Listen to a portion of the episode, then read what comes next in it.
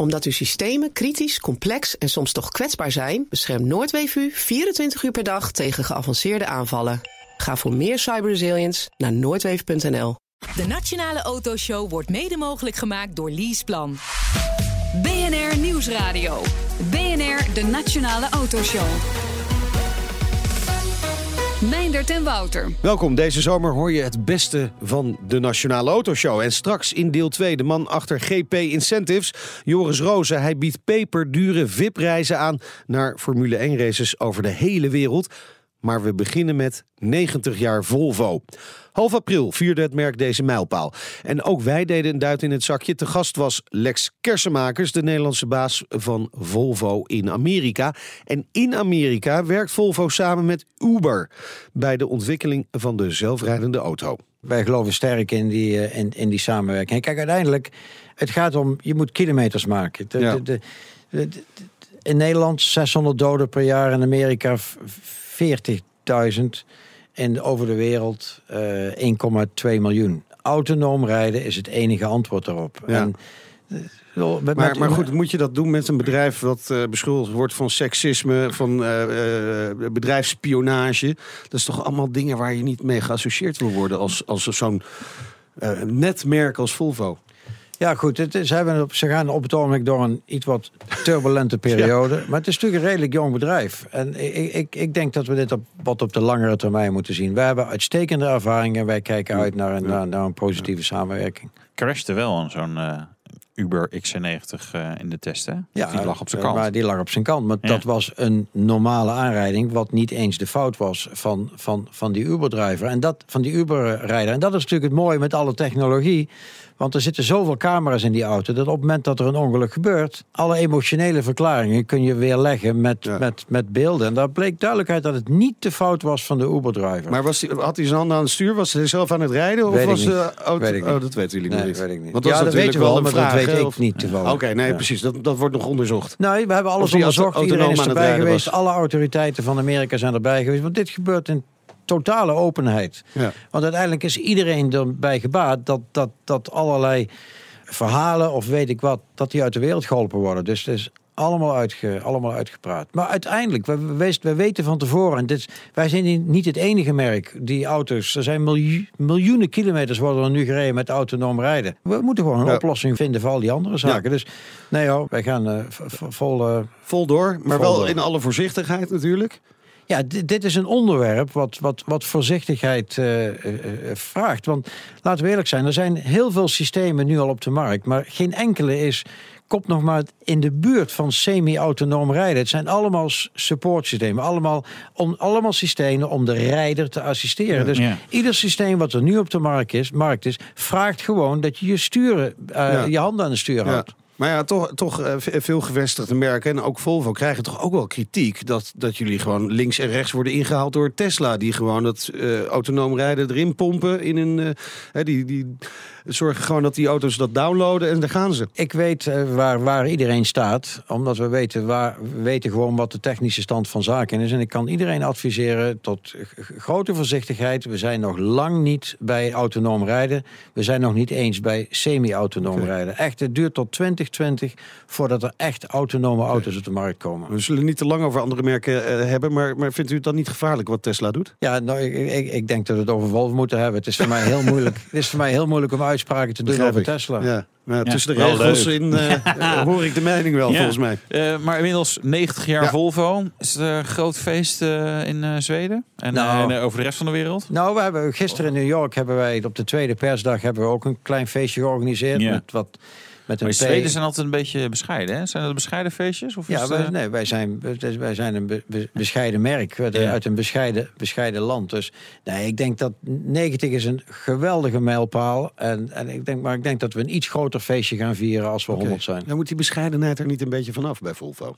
Nou, ik denk ook dat dat hoort ook wel een beetje bij het merk. Wij, wij zijn geen, geen eh, extravert. eh, het past wel goed bij ons. En wij voelen ons daar wel bij. Oké. Begon natuurlijk allemaal met eh, de EV4. Daarna de, de Amazon.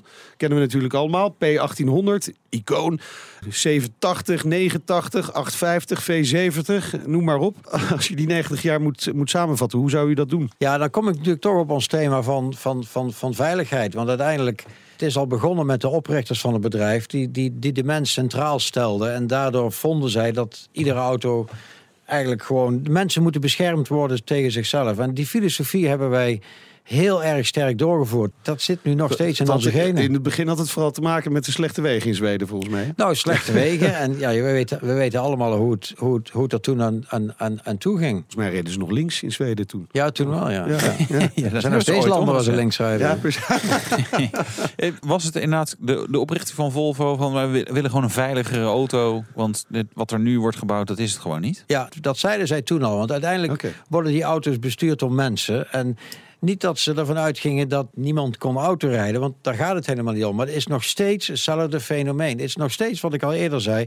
Dat 90% van de, van de ongelukken worden veroorzaakt door de mens. En niet, niet door de auto. Dus Nee. ze hebben van het, begin af al, van het begin af aan al gezegd dat wij moeten zoveel mogelijk doen om die auto zo veilig mogelijk te maken. En dat zie je wel in, in de genen van eh, Volvo eh, natuurlijk, zeg maar, al die jaren wel terug. In die 90 jaar zijn er heel veel modellen zijn er geweest. En eh, afhankelijk van hoe oud je bent, weet je een bepaalde Volvo. Eh, staat bij jou al op het netvlies als de Volvo. Maar is er één model te noemen waarvan we zeggen, nou, dat is zo kenmerkend geweest voor Volvo. Of dat heeft echt het succes eh, zeg maar, verder vergroot. Nou, ik denk dat we het dan toch over de Amazon hebben. Dat staat ook bij heel veel mensen op het netvlies gegrift. En dat merkte ik gisteren weer tijdens, tijdens de show in, in, in New York... waar wij één Amazon eh, stationwagen hadden staan. Dat dat toch wel heel veel emoties... eh, want dat, dat reflecteert de veiligheid en de degelijkheid van, eh, van, van, Ja. van Volvo. Een station in, in, de, in de States, daar zijn, ze, daar zijn ze helemaal niet van de stations, toch? Nou, dan zijn ze niet meer van de station, maar dat komt langzaam maar zeker terug. Maar in de Ja? 70, 60 en 70 jaren was, was, was de station wagon wat nu de SUV is. Daar is nu de SUV. Dus Ja, maar je- komt, die, komt die station weer terug? Ja, ik ben ervan overtuigd dat die station eh, weer terugkomt. Want het heeft ook met een beetje met psychologie te maken. De, de, de, de kinderen willen niet in ouders rijden, waar, in, in auto's rijden waar ze in opgegroeid zijn. Nee. Dus, Dus- er is- nu een hele generatie die Wow. eraan komt die nog nooit een station wagon gezien hebben. Die hebben alleen maar SUV's. Die hebben eh, alleen maar SUV's ja. of MPV's gezien. Ja, dat is waar. En, En- die staan nu open of voor een nieuw model. Maar jullie gaan wel een sedan bouwen in, eh, in Amerika in de fabriek. Dat is Ja, ook raar. maar- Als je ja, denkt van nou, die stations, dat wordt het helemaal. Ja, nee, nee, dat snap ik. Dat snap ik. Maar dat, heeft ook, ja, dat, is, dat is een erg ingewikkeld verhaal. maar uiteindelijk, nee, maar se- sedans blijven. Sedan is een groot gedeelte van de markt. Dus Ja? ik maak me daar ook echt helemaal geen zorgen om. Volvo gaat steeds meer richting, ja, of is het misschien al, is het al premium? Wat vind jij, Wouter? Ja, ik vind van wel. Nee, het is wel grappig. Als je, ook als je in Duitsland bij een van de Duitse eh, concerns een persconferentie hebt, dan zeggen ze altijd: we zijn de beste in onze klas. La la la. En bedoelen ze, nou, eh, als je bij Audi zit, zeggen ze: we zijn beter dan BMW en Mercedes. En de rest, je kijkt ze niet eens naar. Eh, hè, dan dan noemen ze premium merken. Ik, maar Ja. ik vind Volvo eh, absoluut premium. Weet je, tegelijkertijd een beetje een rot. Weet je, het is meer dan alleen maar vervoer, materialen. eh, Mobiliteitsoplossingen. mo- ja, het is geen mobil, het is niet alleen maar een mobiliteitsoplossing. Ja, ik denk dat we met, met, Nee. met, met, de, met de XC90 hebben Ja. wij een ongelofelijke grote stap Ja. gemaakt. Interieur, kwaliteit van de materialen. Dus Ja. ik Alleen denk die met de- motoren nog even. Nee, Even die, een eh, dat- dat, dat geeft juist het premium aspect. Want Ja. je, je, je, je gaat juist naar een, naar een doelgroep toe waar mensen zeggen van die denken verder. Ja, maar ga- Ja. gaat je klantenkring inderdaad ook dan echt veranderen? Ja, met de XC90 zien wij heel duidelijk dat we 70% en dat praat ik wereldwijd, niet alleen in Nederland. 60, 70% is een totaal nieuwe Ja. doelgroep. En die komt ook uit die premium, wat jullie maar dat is premium ook wel merken weer een, een, een doelgroep, denk ik, die heel lastig is vast te houden tegenwoordig. Hè? Want de, de loyaliteit, merkloyaliteit, die wordt wel steeds minder. Maar dat is voor alle segmenten. Ja, je ziet gewoon puur dat, opportunisme. zeker als de, met, met, als de lease-penetratie toeneemt, als je op 60, 70 procent lease-klanten zit, na drie jaar willen die klanten gewoon iets anders. Dus moet je ook zorgen dat je iets anders hebt. En als je dat niet hebt, dan verlies je die klant mee, Ja. maar die klant komt ook Ja. wel weer terug. Dus, Maar, dus de eh, doorontwikkeling moet in drie jaar gedaan zijn eigenlijk dat, tegenwoordig. ja, maar dat, dat kan niet, dat werkt niet, dat, dat, laat zich niet rekenen. Hoe lang was de, de vorige XC90 ook weer in productie geweest? Ja, die, hadden, die hebben we redelijk lang gehad. Ja. 12 Ja. jaar volgens Ja, mij, toch? Maar dat had, dat had ook weer te maken met, het, met de transformatie van Ford naar, Ja. naar Geely. Maar, maar gaat het nu dan sneller? Eh, 7, 8 jaar voor een premium merk, is keurig, is goed. Oké. Over Geely gesproken. Volvo was eh, hiervoor eh, eh, bezit van Ford. En nu in handen van het Chinese Geely. Welke rol speelt die Chinese eigenaar? Want u zei al, ze zijn niet met een pot goud gekomen. Nee, nou, Waarmee die- dan wel? Wat die meteen gezegd hebben is van... wij laten Volvo doen waar ze goed in zijn. Nou, dat is auto's ontwikkelen. En die hebben een hele duidelijke lange termijn visie. Want toen ze ons overnamen, hadden we eigenlijk niets meer. We hadden geen platformen meer. De auto's werden steeds ouder. We hadden geen motorenprogramma. Dus we hebben gewoon vijf jaar nodig gehad... om de eerste XC90 op de markt te zetten. Zij hebben het geduld getoond. Ze hebben de stabiliteit gegeven. En hebben ook een beetje entrepreneurship in, in, Ja. in, in Volvo gebracht. Ja. Maar heeft Ford dat dan ook helemaal laten verzaken? Hè? Want ik bedoel, als op het moment dat het verkocht werd, hadden jullie dus niks meer. Denk, nou, Nou, dan, dan, ja. dan Ze niet echt lekker gemanaged. Ford daar. wist in 2007 al dat ze Ja. ons wilden verkopen. Want zij Ja. moesten focussen op, het Ford, op de Ford-brand. Dat duurt gewoon even. Ja. Maar Ford heeft ook de XC60 voor ons mee in de markt gezet. Dus wat een heel succesmodel is. is. Dus het is, het is niet helemaal dat het allemaal verwaarloosd is. Maar op een gegeven moment weet je dat je geen motoren meer kunt gebruiken. Dus moet je het zelf gaan doen. Dus dit, ja, dit- de timing was niet echt goed. En dat heeft duidelijk impact gehad. Maar nu zijn we weer terug. Het is tijd om zo te gaan rijden in een oudje. In dit geval de meest iconische Volvo ooit gebouwd. P1800. Zo is dat. BNR Nieuwsradio. BNR, de Nationale Autoshow. Wouter, we hebben nog wat nieuws. Wat leuk. Duitsland maakt schoon schip. Alle automerken moeten straks werkelijke verbruikscijfers gaan communiceren naar de klanten. Ja, vanwege Dieselgate natuurlijk. Ja, wat zijn de eh, werkelijke verbruikscijfers? Is altijd mijn Dat vraag. hangt dan. af van je rechtervoet. Juist, Onder andere. Ja, ja. ik eh de net op de A2 reed bijzonder zuinig. Het stukje op de A12 toen ik net hierheen reed, was iets minder zuinig. Want daar is namelijk geen trajectcontrole. Nee, ja, ik, ik, het, het is een andere test. Nou, fantastisch. Hè? De WLTP-test. Dat zou beter bij de praktijk moeten passen. Ah ja, maar dat is op zich natuurlijk wel terecht. Want die, die, die- Ja, die andere die is niet heel fantastisch. Nee. Nee. Nee. Maar eh, ze, ja, ze willen daar, daar gewoon eh, vaart eh, mee gaan maken. En het was natuurlijk wel... Duitsland lag wel een beetje dwars. En Frankrijk ook. Maar ja, Peugeot is het al aan het communiceren, die verbruikscijfers. Dus langzaam komt er wel gewoon een, een beetje goed verhaal qua verbruikscijfers. Hopelijk. En dan worden die auto's misschien in de praktijk ook daadwerkelijk zuinig... in plaats alleen maar op papier. Dat zou wat zijn hè, voor het milieu. Hey, Leaseplan gaat tweedehands leaseauto's aanbieden in de private lease. Ja, maar dat is de vraag of ze die auto van drie of vier jaar eh, daadwerkelijk in de, private lease gaan gooien als occasion. Dat denk ik eerlijk gezegd niet. Kijk, je had al zakelijk occasion lease. Want er, Ja. weet je, er ging wel eens een bedrijf over de kop. eh, of eh, Iemand de raakt zijn baan kwijt. Allerlei redenen waarom zeg maar, je nog wel een leaseauto hebt, maar die bereider of de bedrijf, het bedrijf er niet meer is.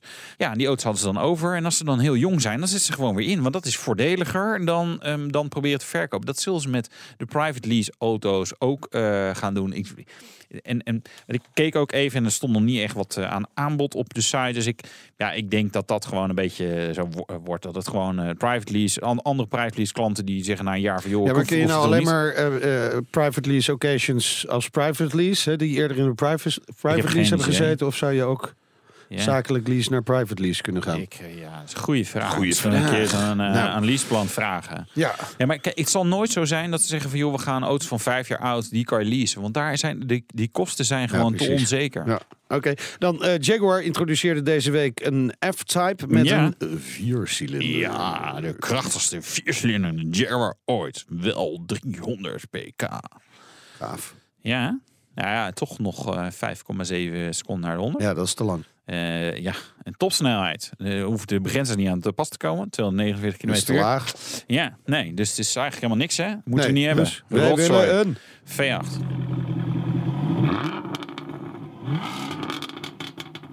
Dat dus, eh, vlieg je zo eh, de parkeergarage uit. Ja. Over vliegen gesproken met auto's. Het Nederlandse Pelvi, eh, maker van vliegende auto, krijgt concurrentie. Ja, uit eh Aeromobiel uit Slowakije. Eh, in 2015 waren ze groot in het nieuws, maar Ja. niet per se heel positief, want het was een crash. En toen werd het even stil. Dus we zijn nu nou, een kleine twee jaar verder. Maar ze komen op eh topmarkt in Monaco, gaan ze wat laten zien. En dan als het goed is, laat het jaar op de weg. En als die vleugels goed zijn ontworpen, ja, dan kunnen ze naar en eh, in, de, in de. En wegvliegen. Ja. Eh, Zie jij er wat in, in die vliegende auto? Nou, voor een hele kleine niche. Ja, voor, eh, voor de Flying Doctors in Australië. Zoiets, Ja, weet je die briljante Ja. serie. Dat zo. Briljante serie. Echt van jouw tijd, hè? Echt van jouw tijd. Ja, nee, weet heb ik niet. gemist. Nee, ja, ik, nee, ik heb, nee, maar ik vond dat wel een mooie titel. Maar als je dan die serie Het wel eens begon heel aanzet op televisie... met, met dan een vliegtuigje ook ja, inderdaad. ja, Ja, maar, voor dat soort toepassingen denk ik briljant. Maar ja, en voor mij, als ze dan even die A16 af kunnen zetten, zeg maar bij de Brienenoord, dan kan ik landen. Weet je, Ja, stijg ik of hier als op. je een kantoor hebt midden in een weiland dat goed gemaaid is. Ja, Ja. Heel fijn dat je zo'n. Vliegende auto hebt. Ja, of zou het zo'n helikopterachtig ding worden? Dat je zeg maar, nee, dat eh, is echt met vleugels. echt met deze. vleugels. Deze, die Ja. Palvi is met helikopter eh, unit. Dingen. Maar dit is gewoon met Ja. vleugels. Dus je moet ook echt een eh, landingsbaan hebben. Jeetje. Ja, Nou, is me wat. Ja. Ik ga sparen voor een landingsbaan en dan ga ik misschien ook zo'n auto kopen. Top. De rijimpressie. En dit keer geen rijimpressie in een nieuwe auto. Nee, een eh, reportage in een oudje. Onze redacteur Nout Broekhoff die had een afspraak met Theo Mulder. Dat is directeur-eigenaar van de bekende Volvo Bankgarage in en rond Amsterdam. Hij heeft een aantal dealers. En hij heeft een eh, Volvo P1800. Typisch Volvo, hè? Mooi geluidje, hè? Lekker. Ja, het is onvoorstelbaar. 60 jaar oud en dan draai je om en daar zit hij. Hij loopt en hij pruttelt een beetje. Wel heerlijk. P1800, is dit misschien wel de meest sexy auto die Volvo ooit heeft gemaakt? Als ik erin zit wel. Nee, ik denk dat het wel een soort statement was in die tijd. Dat we toen eh, heel veel personenauto's bouwden. En toen echt een, een keer een, een fantastisch mooi designauto op de weg hebben gezet. En die is ook ja, na 60 jaar nog steeds modern eigenlijk. Iedereen vindt hem ook altijd mooi. Ik kijk altijd met bewonderende blikken naar die auto. Je bent niet de eerste eigenaar, toch? Nee, nee, nee, nee, dat zou, zo, zo oud ben ik ook weer niet. Deze is van 1965. Die is, zijn leven is begonnen in Amerika. En is na 20 jaar teruggekomen naar Nederland. En is toen na, door verschillende eigenaren gebruikt. Die auto's die waren natuurlijk toen echt in Nederland echt heel duur. Dat waren echt hele bijzondere auto's. Werden vergeleken met Astons en, Ferraris. In dat soort prijsklassen moet je gaan denken. Ter vergelijking een, in 1960, rond 60, kostte de duurste Amazon 13.000 euro. En deze kostte 21. Dus dat was ja, 7.000, 8.000 gulden meer. Maar gewoon eh 80% meer als een personenauto. Dus dat waren echt voor de liefhebbers. Weet je waar ik het tijd voor vind? Nou, om een stukje te gaan rijden.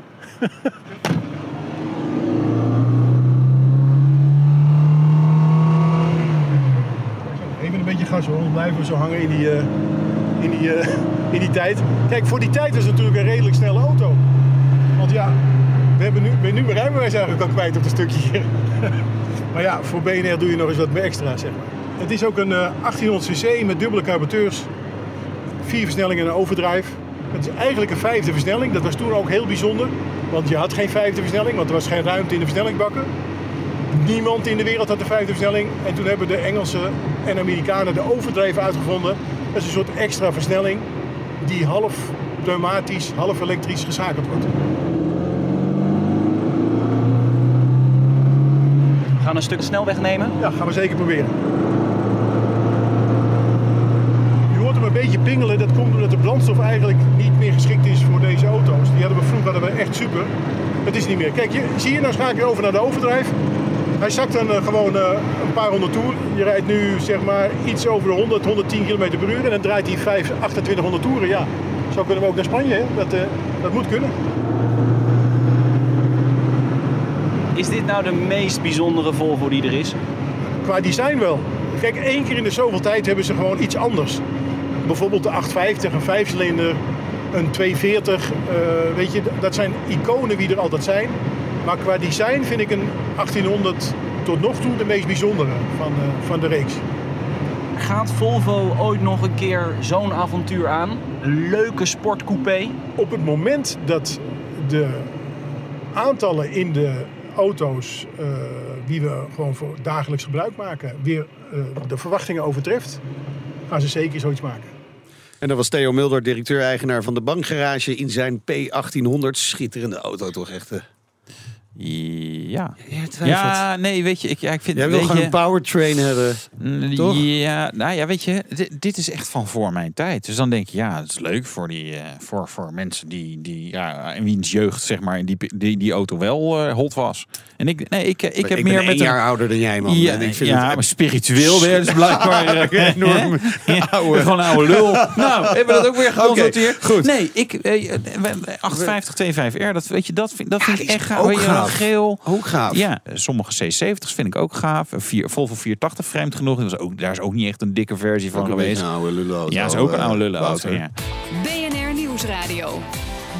De Nationale Autoshow. We hadden, we hadden het net over die P1800. Een mooie reportage van Nout Broekhoff. Hoe belangrijk is die auto? Want er zijn er niet zo heel veel van gemaakt. Nee, maar het is een hele belangrijke auto. Het werd begin in Schotland gemaakt, volgens mij. Ja, exact. De eerste, Dat was niet de best. eerste, de eerste paar honderd en de kwaliteit was zo slecht dat ze die heel snel naar Göteborg hebben gehaald. Met Roger Moore en de Saints Ja. heeft die auto Het is een oude wel televisieserie ja. van eh, de Ja, jeugd van ja. Wouter Karsen. En die, eh, da- daar speelde hij natuurlijk een hele, hele belangrijke rol. En dat is waar heel veel mensen de auto ook van, eh, van, van herinneren. We hebben, we hebben de auto gekocht vorig jaar van, eh, van, van Roger Moore. Dus in Amerika hebben we zijn auto. Uiteindelijk is het ja, zo'n belangrijke auto. Die moet je gewoon hebben als merk. Ja, maar is die alleen maar belangrijk vanwege die serie? Nee, hij is natuurlijk, wat, wat, wat, wat Theo al zei, het, het is toch weer, het, het heeft het merk Volvo weer Ja. een stapje verder gebracht. Sexy, En- en- sexy, niet zo Exact. praktische auto. Nee, maar ja, dit- maar wat jullie nu niet meer hebben. nee, maar wat ik al zei, waar we wel een keertje weer iets mee gaan doen. Maar Ja. we Ja. moeten eerst onze basis in orde hebben. Want Volvo Ja. presenteerde de, de Concept Coupé hè, in 2013 alweer. Best wel lang geleden op de IAA in Frankfurt. Ja, die concept coupé hebben wij gebruikt om allerlei design elementen te testen. Ja, die en die, hebben we ook ook door, die hebben we ook doorgevoerd in, in, in, in de huidige productrange. maar zo, Ja. zo- zodra er eentje komt, kom ik weer terug hier en dan. Maar hoe, Zelfs doe ik meteen die elektrische auto erbij en dan hebben we. oh, dus, ja, dus volgend jaar. Nee,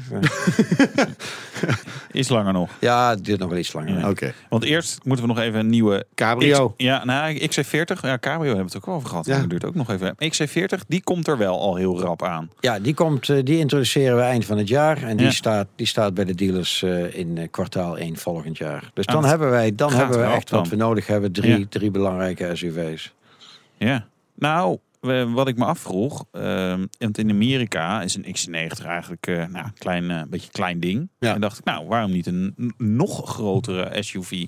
En XC120. XC100, ja, ja, er zijn ook ooit van die geruchten geweest dat, dat er nog wel eens een modelletje, zeg maar, echt, eh, echt een vlaggenschip van Volvo zou komen. XCL. Ja, nee, weet ik veel. Nee, nee, nee, ja. je, je- je zou een langere of een iets grotere XC90 kunnen denken. En, maar dat, dat is ook, dat zit in de plannen. We, de- we Oh. praten erover, we denken erover na, maar Ja. het is niet. Het is, Het is geen wel mooi. Wij zouden daar prima kunnen werken. Nou, daar ja, zo, nou, met product planning. Gewoon dit soort ideeën. Zo'n beetje opgooien. Dan Ja. weer afschieten. Nee, er is altijd, er is altijd, een op tekort, tafel. altijd een tekort aan briljante mensen. Oké, nou we, we tekenen straks een contract na de uitzending. Ehm, maar het is wel grappig hè, als je een merk hebt dat zo eh, eh, rijke historie heeft als eh, Volvo.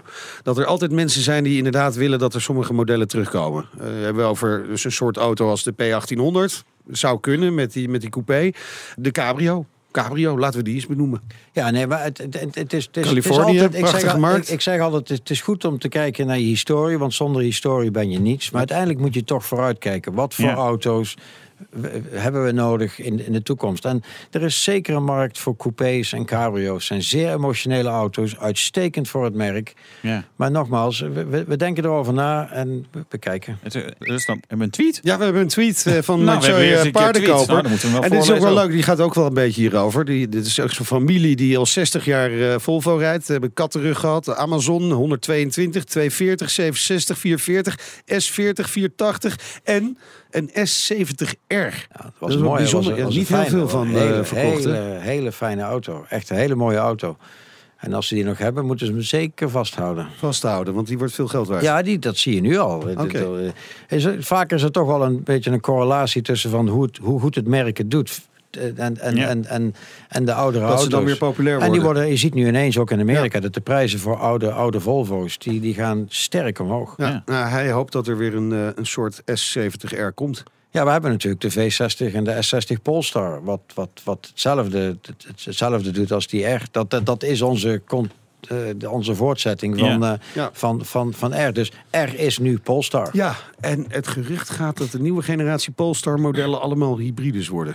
Nou, kijk, of is dat geen gerucht meer? Nou, ik weet, niet, ik weet niet waar het gerucht vandaan komt. Maar het feit is wel dat wat, wat wij met Pol- we hebben Polestar gekocht een jaar geleden.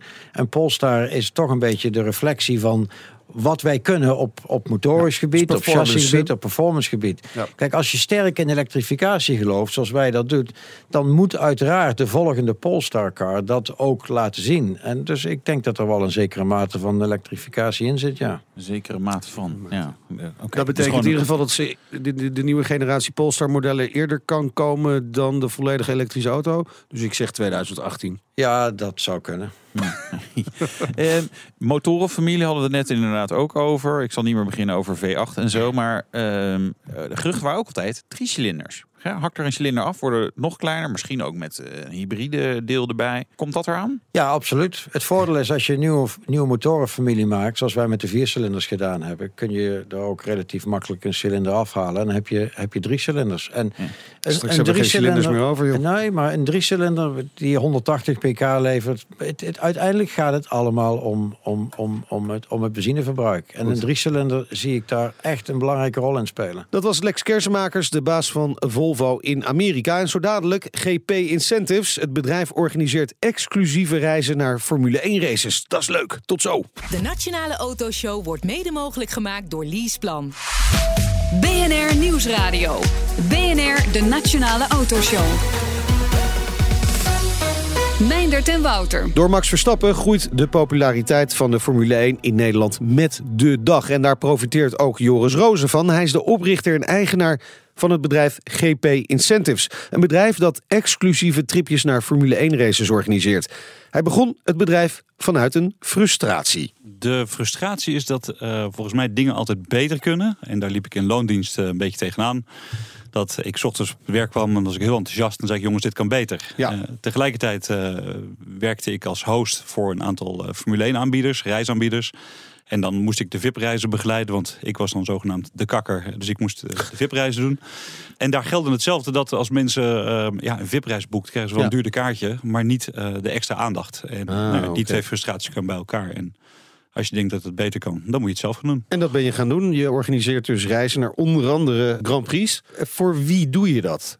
Zijn dat bedrijven? Zijn dat particulieren? Het begon natuurlijk met bedrijven, vooral eh, in het begin de sponsoren van de Formule 1 teams. Eh, een Formule 1 team die heeft als doel om een auto te bouwen die heel hard gaat en die uiteindelijk wint. Ja. Daar hebben ze geld voor nodig, daar hebben ze sponsoren voor nodig, maar dat is gedoe, want die sponsoren die willen aandacht. En eh, dat besteden ze uit. En dat besteden ze onder andere destijds aan, aan ons uit. En, toen kwamen er een aantal bedrijven die zeiden: hey, dat vinden wij grappig, kunnen wij dat ook doen? Ehm, kijk je achter de schermen. En zo is het balletje een beetje gaan rollen. Dat zijn dan wel eh, de mensen voor wie je het nu doet ook. Echte raceliefhebbers over het algemeen, kan ik me voorstellen. Of valt dat wel mee? Degene die beslist, die is vaak wel Ja, ja, een ja. raceliefhebber. En Jongens, een vooral- bedrijfsuitje van dit jaar. Ja, gaan we golfen of Monaco. gaan we even Monaco? Ja, nou, het, is, het, is, het is vooral de setting die mensen eh, aanspreekt. Ja. En, die- en je merkt... Dat is Kijk, ook saai dan, want dan kan je net zo goed een, eh, een wijn, eh, wijnproeverij eh, kunnen organiseren. Jij bent autoliefhebber, dat weet ik. En Formule 1 liefhebber, dat weet ik ook. En dan, dan krijg je van die mensen die oh ja, nou vorig jaar eh, dat golfen, dat vond ik ook wel leuk. Staat iemand dan op in Monaco bij wijze van spreken? Of valt mee? Dat is heel grappig. Dat, Ja. dat kunnen we eventueel combineren. Uh, maar er moet wel ergens Nee, benzine in gaan. Of Dus dat doen we wel. Ja. Even- Nou, wat, wij een beetje merken zijn is een dat... beetje leuke mensen die dan komen? Het zijn Want- heel leuke mensen. Ja? Want ik vind dat als jij eh, gepassioneerd bent, zoals je net meneer Westerman hoorde, en jij bent bereid een, een dergelijk bedrag uit te geven. En het zijn vaak hele kritische klanten die ons echt op onze tenen laten lopen. En dat is ook de reden dat we het al 15 jaar volhouden. Dat houdt het gewoon interessant. En die mensen willen heel erg veel. En natuurlijk, als die mensen van golf houden, is hartstikke leuk. Maar Ja. als je kijkt wie nodig je uit voor dit soort reizen, dat zijn je belangrijkste klanten. En die komen niet meer voor een golfreisje of voor een etentje of eh, een dagje tennis. Dan moet het iets bijzonders zijn wat beklijft. Dus je zegt ook zelf, zijn het raceliefhebbers. Ja. Degene die dit bepaalt, die ons inhuurt vaak wel.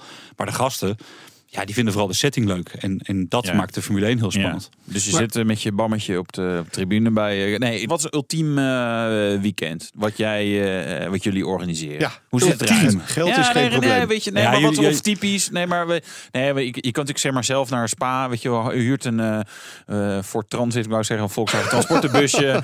allemaal lunchpakketje mee en eh, nou een uur in de file om te parkeren en dan over. Nee, weet je, nee, dat, waarschijnlijk doe je het anders. Ja, nou dat kan. Dat kan ook. Eh, Ja. Maar dat doen wij niet. Eh, Nee. We hebben een aantal eh, conculega's in Nederland die daar heel erg goed in zijn. Heb je ook wel een ander prijskaartje en dat is prima. Dat zijn supermarkten. Wij willen niet de grootste zijn, we willen niet de goedkoopste zijn, we willen de beste zijn. Ja. En dan willen jullie natuurlijk bedragen horen. Nee, nee, En- ik wil horen, wat, wat gaan we dan Ehm, doen? Wat, wat, eh, Oké, jij, jij, je moet mij en mij even overtuigen. Ja, Waar nou, we gaan we beginnen altijd bij. Geld het is maatwerk. rol, joh. Nee, Ja. kijk, het is Ik maatwerk. ben de penningmeester, Ja. ik wil het wel weten Ja. straks. Maar Dat snap ik. Nee, kijk, het is altijd maatwerk. En natuurlijk speelt geld wel degelijk een rol. Dus mensen hebben een budget. Dus wij beginnen mee. Wat is je budget? Eh, wanneer Ja. heb je tijd? Ja. Hoe lang ga je? Met wie Ja. ga je? Ga je met vrienden? Of ga je misschien met partners? Dat is natuurlijk wel heel bepalend. Want nou, we gaan met z'n tweeën, we hebben een ton. jullie gaan met z'n tweeën gaan naar Ton. En, en waar ga je naartoe? Jullie gaan naar Monaco. Monaco Nou ja, natuurlijk, ja. Nou ja, goed. kan ja. je, kunnen we beter die ton ergens anders je in liever naar? Sochi? Ja. Ja, een soort, nee, Sochi. nee, Sochi, sla Sochi maar over. Eh, Mickey Mouse circuit en, en is leuk. En, en het is leuk Ja, maar. Monaco is ook een eh, Mickey één Mouse circuit. nachtclub daar. Nee, kijk, ben ik toevallig geweest een keer. Ja? Ja. Trek me niet, maar... Nee, kijk, Monaco is natuurlijk wel de meest aansprekende. Dat vindt iedereen fantastisch. En een ton is bizar. We, we hebben overigens een Bizar gehad. Nee, nee, nee, nee, nee. nee. Nou, Monaco is, is alles maal twee. En de service eh, gedeeld door twee, helaas. Eh, maar het blijft wel natuurlijk de ultieme poppenkast. Eh, al zou je bij wijze van spreken geen kaartje hebben, is het geweldig. Maar wij hebben een keer een klant gehad. en Die gaf inderdaad een ton uit. Wij dachten dat dat een, een grap was. Die kwam met zijn gezin. Dat was een Amerikaanse klant. En die, die, die wilde... normaal gesproken heb je opties. En het of dit, of dat, of Ja, dat. Maar die man wilde, alles. alles. Die man die wilde alles. Dus die wilde en te gast zijn bij Ferrari achter de schermen. Die wilde en een jacht en een suite met uitzicht op het circuit. Hij wilde een kamer. eh, en een kamer in een hotel Brie kost 10.000 euro eh, voor het weekend. Puur voor zijn kleding. Eh, het, dat ging helemaal nergens over. En wij dachten echt dat het een grap was. Eh, de laatste vraag die die man stelde voordat hij de factuur overmaakte was... hoe lang is de landingsbaan in Nice? Want ik wil weten welk vliegtuig ik meeneem. En die kwam inderdaad met zijn, eh, met zijn 737. Eh, dat kostte een ton. En die man heeft overigens het hele weekend eh, op zijn hotelkamer gezeten. Want hij vond het zo'n belachelijke herrie. Ehm, dit was nog in de tijd Wie, van... wie was dit? dit is een man, als je googelt, dan, dan vind je hem in het rijtje Madoff eh terug. Dit is een hoogtijdaag 2007, hè, dat motoren nog 19.000 toeren maakten. Dat het geld nog eh, alle kanten op spoot, of het nou vastgoed was, of daarvoor nog de sigarettenreclames. Dat is natuurlijk allemaal weggevallen. Het is Ja. allemaal wat braver geworden. Ja, maar dat was en toen die was tijd. er eh, crisis en zo. Heb- je Ja. toen, eh, toen had je een bijbaan weer in de supermarkt. Nee, dat valt wel mee. Dat valt wel mee. Eh, je merkt wel dat het hogere segment natuurlijk, eh, daar doet het ook pijn. Maar dat, dat liep eigenlijk wel door. Ehm, dus eh, je merkt wel dat in het lage segment en dat daar eh, de lege tribunes, dat ga je ook dit weekend in Sochi weer zien, dat zie je overal. Tegelijkertijd, ja, als je ziet wat mensen krijgen, jij, jij maakte de grap over op de camping met je boterhammetje. Ook dat kost nog 300, 400 euro per Ja. persoon alleen voor een kaartje. Ik zou liever 2000 euro uitgeven en het goed doen. En voor 2000 euro kun je echt een heel bijzonder weekend hebben al. eh, dan voor 400 euro een kaartje in de file en het boterhammetje in de bagger. Want daar heb je het over in Spa. En, en, ik snap ook dat mensen daarover lopen te klagen. Dus, dus ons, ons verhaal is ook altijd. Ga dan niet met 100 man met een bus, maar ga met 10 man en doe het gewoon goed. Eh, en dan heb je ook klanten die volgend jaar terugkomen. Eh, Naar, naar Spa? Ik vind als je naar Spa gaat, eh, als je het doet, moet je het goed doen. Mijn, Ja. mijn collega zegt altijd: goed mag weer geweldig worden. Ja. Ehm, Spa probeerden wij mensen altijd weg te sturen. Eh, wij zeiden dat ga nou, eh, eh, als je tijd hebt, ga dan naar Monza. Ja. Daar ben je voor hetzelfde Prachtig geld. circuit. Mooi Ja. circuit, Ja. eh, goed weer, Ja. Goed eh, eten. beter bereikbaar, goed Ja. eten. Dat klopt. Mooie Ehm, camping. Ja. Maar ja, ik, ik ben nooit op de camping geweest. Ik Ik weet niet camping is. Maar, maar lang, lang Monza, daar heb, daar, daar heb je wat. Dus hoezo naar Spa? Ehm, Vorig jaar zijn we met klanten te gast geweest bij, bij Red Bull. Eh, hè, nu met Max die weer bij... eh, wij werken al jaren met het team van Red Bull. Maar nu rijdt daar een Nederlander die heet Max Verstappen. Ehm, onze Nederlandse markt Ma- is niet maakt heel dat groot. voor jou uit? Want je had het net inderdaad over internationale klanten. Ja. Mhm. Je zegt nu, de Nederlandse markt is niet zo groot. Wordt die wel groter? Wordt die interessant? Ja, ja, je ziet wel, Nederland trekt de economie ook weer aan. Ja. Dus mensen willen wel weer iets goeds doen. Eh, dus ik proef dat hier ook wel. Dat mensen als iets doen, dat ze het goed willen doen. Ja, Max Verstappen, eh, los van eh Nederlandse markt. ook internationaal gezien natuurlijk. Wij, wij krijgen klanten uit de hele wereld die nu bij, bij Red Bull te gast willen zijn. Ja, Het, het team heeft Internationaal willen mensen de Wonder Boy uit Ja. Nederland wel Ja. ontmoeten. Ja, en de sfeer binnen het team is heel erg leuk. Want als je Ferrari werkt ook al jaren mee, maar bij Ferrari, dat is toch een beetje, ja, dat was een beetje stijve Vettel die alleen maar liep te klagen natuurlijk. Ferrari heeft altijd zo'n zo'n uitstraling, want je mag blij zijn dat je bij ons te gast bent. Oké, dus wij vinken Red Bull aan. Daar Ja. willen wij eh, langs. Ja. Wat kost die optie? Ehm, Oh, ja. ja, heb je alleen nog maar, heb je alleen nog maar de toegangspas, maar je hebt het over 5.000, 6.000 euro zo'n beetje voor het weekend. Eh, maar goed, dan klopt alles. Dan, Ja. dan eh, sta je niet in de file, je parkeert pal voor de deur, eh, je bent te gast bij Red Bull. En je krijgt een Eh, Ah, je krijgt zoveel bliks als je wilt. Eh, dit- nou, de catering, maar het is echt fantastisch. Ze hebben een cateraar, die wordt over de hele wereld ingevlogen.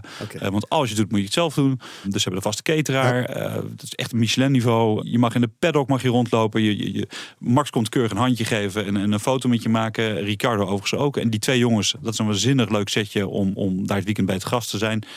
Je voelt gewoon die energie bij, bij Red Bull, bij het team. Ja. Eh, ja, dat is wel ultiem. Eh, dan voel je wel een prinsesje als je daar eh, En, rondloopt. en andere teams, Force India bijvoorbeeld? Kan, kan, ja. ook? Eh, Het is altijd een grijs gebied geweest. Teams mogen eigenlijk alleen maar sponsoren uitnodigen. Dus als mensen vragen wat kost het, dan zeggen we ja, het kost natuurlijk wel geld, maar het, scheelt je een miljoen. Want normaal gesproken moet je eerst Ja, een ja. sticker op de auto plakken. Dus het was altijd een grijs gebied en alle teams verdienen bij door via de achterkant een aantal betrouwbare partijen eh, van die VIP-passen aan te bieden. En, en Red Bull is daar wat meer open over. Maar je kunt in principe bij ieder team te gast zijn als je de wegen kent.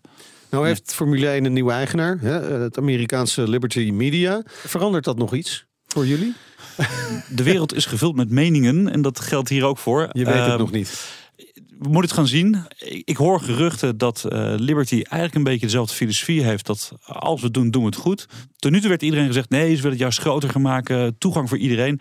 Ik hoor geruchten dat ze het kleiner willen maken, maar beter. Dan heb je het over relatief klein. eh, zeg maar maar 50.000 bezoekers. Maar dan heb je wel een fantastisch weekend, inclusief concerten. eh, dus niet meer in de files, fatsoenlijk parkeren, goede horeca. Dus ik ben daar wel heel erg voor. Ja, maar, dan- maar, maar laten ze nog wel ruimte voor organisaties zoals die van jou? Het kan altijd beter. Dus ja, eh, daar is ruimte voor. Ja. Wij, het ging net over de Mille Media. Wij zijn door eh, op dit moment het grootste team inge- ingehuurd. Een Nederlands team. Team Ville Trasqua. Die hebben tien auto's, waaronder twee van meneer Westerman die met ons meerijden. Ja, Mille Media is een, is een elitair feestje. Maar ook dat kan altijd beter. Dus eh, de eigenaar van Ville Trasqua heeft ons ingehuurd om te zorgen dat we net nog een laagje erboven, bovenop krijgen. Dat Ja. het nog even wat beter En, wat, en wat, doe je dan concreet om dat net even een laagje beter te Nou, krijgen? bijvoorbeeld heel praktisch. Ik heb hem vorig jaar voor het, zelf, voor het eerst zelf gereden. Eh, dan heb je een hele dag gereden. Eh, dan kom je s'avonds laat aan bij je hotel. Dan staan er bakken met risotto's aan te pruttelen. Eh, want er, er rijden 500, 600 auto's mee. En dat duurt allemaal. Dan kom je aan en dan sta je te wachten in de rij. Dan sta je vervolgens te wachten voor je kamer. Eh, dan moet je nog een sleutel. Er staat één Italiaan, die staat er om één uur s'nachts. Dus wat doen wij? Wij sturen twee mensen vooruit. We hebben tassen gemaakt met logo's. Die staan er keurig in de rij. Dat ook alle andere rijders zien van... hé, hey, wie zijn die jongens van Team Ville Trasca? Dat dat opvalt. Eh, wij zorgen dat de mensen al zijn ingecheckt. Dat de sleutels klaar liggen. De bar is dicht om 11 uur. Dus wij zorgen dat daar een eigen wijnbarretje wordt neergezet. met Trasca. Toch die wijnproeverij weer van Ja, kijk, het, kost, het kost relatief allemaal weinig, maar het is eventjes vooruitdenken van... ehm, kijk, mensen, Ja. mensen houden niet van wachten. En mensen willen een soort van onverwachte extra's. Nou, dat doen wij. Zometeen Grand Prix Incentives doet meer dan alleen Formule 1. BNR Nieuwsradio. BNR, de Nationale Autoshow. We gaan rijden. De rijimpressie. Ja, en diesel is nog lang niet uit de gratie bij eh, Audi. Ik weet niet hoe lang dat nog gaat duren. Maar goed, voorlopig hebben ze nog de nieuwe SQ7.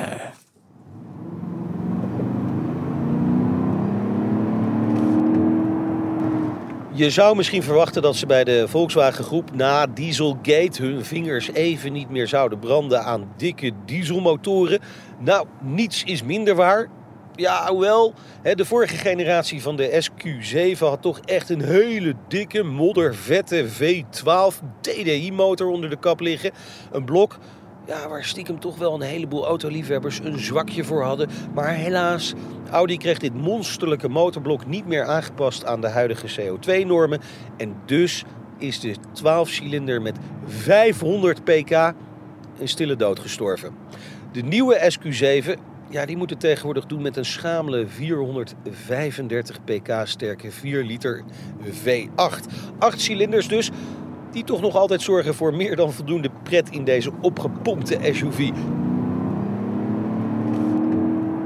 En dat komt vooral door een nieuwe techniek die Audi toepast in dit motorblok. De V8 is namelijk de eerste motor binnen de Volkswagen groep die is uitgerust met een elektrische compressor. En dat heeft misschien wat uitleg nodig. Het is echt wel een technisch hoogstandje. En waarschijnlijk kunnen de Audi-technici het zelf net even iets beter uitleggen. Maar ik ga toch even een poging wagen. Simpel gezegd ligt het zo. Dit motorblok heeft drie turbo's. Waarvan er eentje eigenlijk een FOP-turbo is. Die wordt namelijk elektrisch aangedreven door een compressor. En die elektrische kracht zorgt ervoor dat de compressor al op toeren is. Nog voordat er gassen door de leiding gaan. En je begrijpt het, Door die techniek is het reactievermogen bloedsnel. Hij reageert binnen 250 milliseconden als je op het gas gaat. Met een koppel van 900 newtonmeter al beschikbaar bij 1000 toeren. Inderdaad, dat is gewoon bijna vanaf stationair. Van 0 tot 100 kan daardoor onder de 5 seconden. En dat voor een SUV die toch 2300 kilo weegt. Nou, oplettende luisteraars vragen zich natuurlijk af... waar komt die elektrische power voor die compressor dan vandaan? Nou, simpel. Audi heeft een 48 volt batterij in deze SQ7 gelegd... die meer dan voldoende stroom levert om die motor te laten presteren. Deze techniek gaan we overigens ook terugzien in de Bentley Bentayga diesel. Maar er is meer met de SQ7 aan de hand. Heel veel ruimte natuurlijk, niet alleen voor de passagiers voorin. Ook achterin zit je gewoon lekker goed. En ik blijf het zeggen, die styling van het Audi interieur is ook in deze SQ7 weer gewoon heel erg goed. Uiterlijk, ja, misschien een beetje saai. Het blijft Audi, ziet er altijd ongeveer hetzelfde uit. De rijeigenschappen, die zijn gewoon hartstikke goed. Nadeel van deze SUV, ja, is er natuurlijk ook. Je moet gewoon een hele dikke portemonnee hebben voor de SQ7. Hij rijdt namelijk vanaf net geen 121.000 euro de Audi showroom uit. Ja, en dan moet je natuurlijk ook nog wat opties aanvinken. Kom je al gauw tot een bedrag van rond 175.000 euro. En dat is wel heel erg veel geld. De Audi SQ7. eh, er kwam trouwens een vraag over van eh Ed Marhens. Waarom rijden wij in de rijimpressies geen auto's voor de gewone man? Nou, volgens mij klopt dat niet helemaal. Is, eh, is niet voor de gewone man? Nou SQ7? ja, Voor- deze voor de is- gewone Deze, BNR. deze is overigens wel best wel prijzig. Hè? Maar, maar nou ja, Renault Scenic, volgens mij is dat Ja. redelijk gewoon. Ja, ik heb laatst nog een instap Porsche, die Cayman. Dat is de goedkoopste Porsche. Maar, maar Ja. wat, wat nou, de DS3, goedkoopste Renault Megane, Rolls-Royce Cabrio Peugeot ook, hè? 3008, BMW i3, Kia Niro, om er Ja. eens even eentje te noemen. Maar wat natuurlijk wel interessant is bij dit soort topmodellen, daar komt de eerste techniek altijd in Ja. naar voren. Dus daarom is het en wat interessant hierin? En leg dan even uit hoe dat in elkaar Moet ik het nog een keer uitleggen? Ik heb het net uitgelegd in die rijimpressie, hè? maar dit, is eigenlijk Nee. een FOP turbo. Een FOP turbo, ja. Elektrische FOP-turbo. compressor. Nou, het is wel Elektrische grappig. compressor, ja. Want Volvo doet dat met eh, zeg maar eh, persluchtachtige Ja. constructie en zo. Ja, daar, daar is wel wat in gebeuren. Gaan we, gaan we vaker terugzien, denk ik. Ja, dat weten we niet. In andere auto's. Ja. En dan komt het vanzelf terug in een Kia Niro, bijvoorbeeld. Audi techniek in Ja. de Kia. Ja, het design geluid- hebben ze al gehad, hè? Ja, eh, Of de designer. ja, de designer dus. de- Ja, acht cilinders, V8. Ik, ja, een beetje- in- ja, wel dit, dit was indrukwekkend. een beetje een natte wind Ja. die nu voorbij kwam. Wel, het, is, het was wel lekker. Het was wel lekker. Maar ik vind het wel, is best bizar, dat dit uiteindelijk gewoon een stap terug is. Ten opzichte Ja. van de vorige was een V12, die had meer pk, zoals gewoon in... 500. Ja, Ja. ja. Goed, dan gaan we naar, eh, zo langzamerhand naar het eindoordeel hè, van deze V8, SQ7 V8. En het brengt ons bij... Parkeren maar. En wat betekent dat? Ja, dat heb ik eigenlijk geen idee. Parkeren en niet meer aan... eh, oh, oh, Parkeren maar voor de deur. Voor en de deur en dan Ja, de sleuteltjes achterlaten. Ja. Nee, wel. Voor de skivakantie lijkt me wel. Ja, Lijkt me maar ideaal. die, die- het is een beetje een, een, eh, een, eh, een camper-uitvoering, Ja. zeg maar, als in... Is Dat Nee. gro- groot is, bedoel Nee, nee, ik bedoel, de, die, had jij die parelmoer witte met, met eh, ja. Was niet een hele chique... Nee, Dat was niet een hele chique uitvoering. nee, dus even overspuiten of, eh, of Ja, laten rappen of zo. Ja. BNR Nieuwsradio. BNR, de Nationale Autoshow. Hey, we praten verder met eh, Joris Rozen, oprichter en eigenaar van Grand Prix Incentives. Ik blijf er gewoon in. Wereldwijd toonaangevend aanbieder van eh, VIP-reizen voor autosportevenementen. Eh, jullie doen al heel lang de Formule 1, hè? maar dat is niet meer het enige autosportevenement waar jullie actief zijn. Mille Miglia, onder andere. Welke nog meer? Ook inmiddels zelf rijden. In Nederland het, meest, het meest beruchte evenement geloof ik is de Quote Challenge. Dat Oh, hebben ja. we tien jaar lang gedaan. Maar bijvoorbeeld eh, dit jaar, ja, in september gaan we zelf Formule 1 rijden. We merken Zelf dat- Formule 1 rijden. zelf Formule 1 rijden. Zelf, oké. Dus je hebt een team gekocht. Je dacht, Ja. nou weet je... Nee, eh, we- nee, dat niet, dat McLaren, niet. dat gaat allemaal niet zo lekker. Dan Nee, nee, nou, we vonden het wel grappig. Wat Ja. een eh, nadeel van de Formule 1 is, het is altijd in één weekend en dan is alles drie keer zo duur. Het is altijd stress. Dus wij kregen met klanten die zeiden, joh, we willen op dit niveau iets leuks doen. Ehm, eh, regel dat. En wij zeiden, dat is prima, maar er moet er ergens benzine in gaan. Dus wij kregen nu een aanvraag van een klant en die zei, ik wil zelf Formule 1 rijden, maar dan niet in zo'n ding in Zuid-Frankrijk waar ik eh, het gas niet echt in kan trappen en eh zo de vangrail zit. Nee, het Ja. moet goed zijn. Dus wij hebben het circuit van Paul Ricard hebben we afgehuurd, waar eh, volgend jaar Formule 1 gaat rijden. Frankrijk is ja, dat? klopt, klopt. Er wordt volgend jaar wordt daar Formule 1 gereden. Voor het eh, eerst een lange tijd weer. En daar hebben wij de oude auto van, eh, van Jos, Jos Verstappen. Daarin kunnen mensen zelf Formule 1 rijden. En eh, dat leek ons wel grappig. Dat Ja. een jaar voordat Max gaat rijden, ga je er zelf Ja. rijden met de auto van Jos. Ik ga even een tijd eh, neerzetten. Ja. Maar Ja. Formule 1 rijden, zo'n auto, is, dat, dat, dat is geen golfje waar je zo mee op pad eh Was jij er wel in, joh? Geen idee. Pas ik erin? Hoe lang ben In jij? meerdere opzichten. 1,94. Dat is exact de grens. Nou, dat- maar, maar dan moet ik ook gelijk vragen wat je weegt. Ja, Ja. al, eh, 105. eh. Eh, nou, zo te zien, eh, ja, voor de radio. Zitten op de goede plekken nog. Dus, Oh ja, eh, wat, wat zijn de goede plekken? ja. Nou ja, kijk, dat was bij South Park zeggen ze big bones in plaats van... eh, hè, ehm, dus nee, je moet wel een beetje in verhouding zijn. ja. Nou, nee, dat- er moeten dat- kilo's af voor. Nee, maar dat is wel heel lastig, want we hebben dat klanten gehad die heel enthousiast dit wilden doen. En Ja. dan eh, bleken ze twee meter te zijn. Ja. Nederlanders zijn al snel twee meter. Dan Ja. pas je gewoon niet. Want het Nee. zijn echte Formule 1 auto's. Maar ook, gewoon- nee, maar ik bedoel ook het rijden zelf aan zich is zo'n zo'n auto. Dat is, dat is, dat is zo, dat schijnt zo Nou ja, moeilijk te zijn. bijvoorbeeld Klopt. dat stuurtje gezien. Ja, nou, gewoon met Nou, dit- van die dit- knoppen afblijven. Gewoon, dit eh, zijn iets oudere spullen inderdaad. Oh, Dus eh, dit is nog uit de goede tijd met de, de, de V8's en de ja, V10's. oh, Oké, ja, qua motoren dan. Ja, Ja. maar goed, en dat is een iets teruggeknepen, want eh, die motoren die ploffen naar één race. Dus eh, dit is iets betrouwbaarder. Dus heeft het nog maar eh, 750 pk of zo. ah, ja. Maar gek genoeg, ehm, kijk, wij zijn altijd degene die langs de kant staan. Wij staan te klappen voor onze gasten en moeten zorgen dat alles goed gaat. Dus ik heb er helaas nooit zelf in mogen zitten. Eh, wij maken andere mensen blij. Ja. Maar wat ik van al onze gasten altijd hoor, is dat het rijden aan zich is, is spectaculair. Ook het geluid. Maar het remmen. Het remmen is echt fantastisch. En daarnaast natuurlijk de G-kracht in bochten. Alleen dat kun je alleen maar ervaren op een circuit als Paul Ricard. Ja, wat, maar, maar kunnen die mensen dat allemaal aan? Die G-krachten die op Eh, die nee. nek... Oké, dus je, aan het einde heb je een paar gebroken nekken. En, nou, eh, Ja, zo, nou, zo extreem is als het ze niet. maar betaald hebben. Je, je, je komt, je komt wel misselijk uit de auto. En, eh, dat kan, dat kan. Maar goed, Ja. je geeft natuurlijk zelf je grenzen aan. Het moeilijkste, gek genoeg, is het wegrijden. Ik heb een telefoon vol eh, filmpjes met eh, afslaande Formule 1 auto's.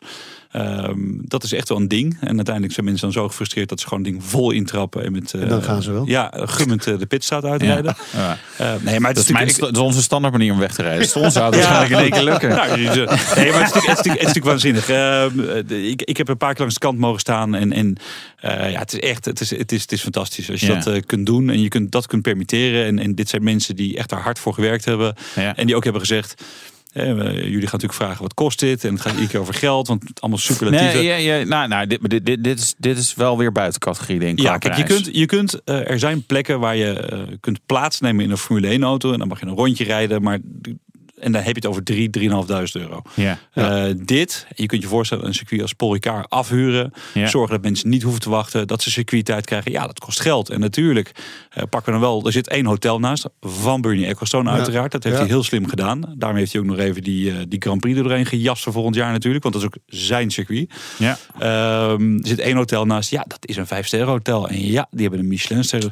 Dus je hebt het hier over 8.000, 9.000 euro. Maar goed, dan rijd je Formule 1. Ja, Ja. En, de vraag is natuurlijk, is dat geld belangrijk? Want kennelijk is er behoefte aan. En Ja, krijg, het, het, het is uniek. Het is uniek. krijg, krijg je het vol? We doen het met een partner en ja, dit gaat vol. Ehm, Gaat. Het is nog niet eh, nee, ik, uitverkocht. ik geloof dat er nu twee of drie plekken over zijn. Dan moeten we even met onze partner Ja, Frankrijk. ja. Ik denk dat ze straks Ja, jongens. zijn. Ja, ja, ja, ja. Nee, goed. Ik, ik, ik, begrijp, ik zie de, twinkel in de oogjes. Zie ik. Ja, nee, ik, Ah, ik snap het. een heel leuk item maken. We Ik begrijp nu waarom ik hier, ja, nee, ik begrijp nu waarom ik hier sta. Nee, maar ik, we, we kunnen je even doorverbinden met de salesafdeling. Dan hoor je wat het Ja. kost je normaal. Nee, kijk, adverteren dit- op maar BNR. Dat is echt Ja, heel duur.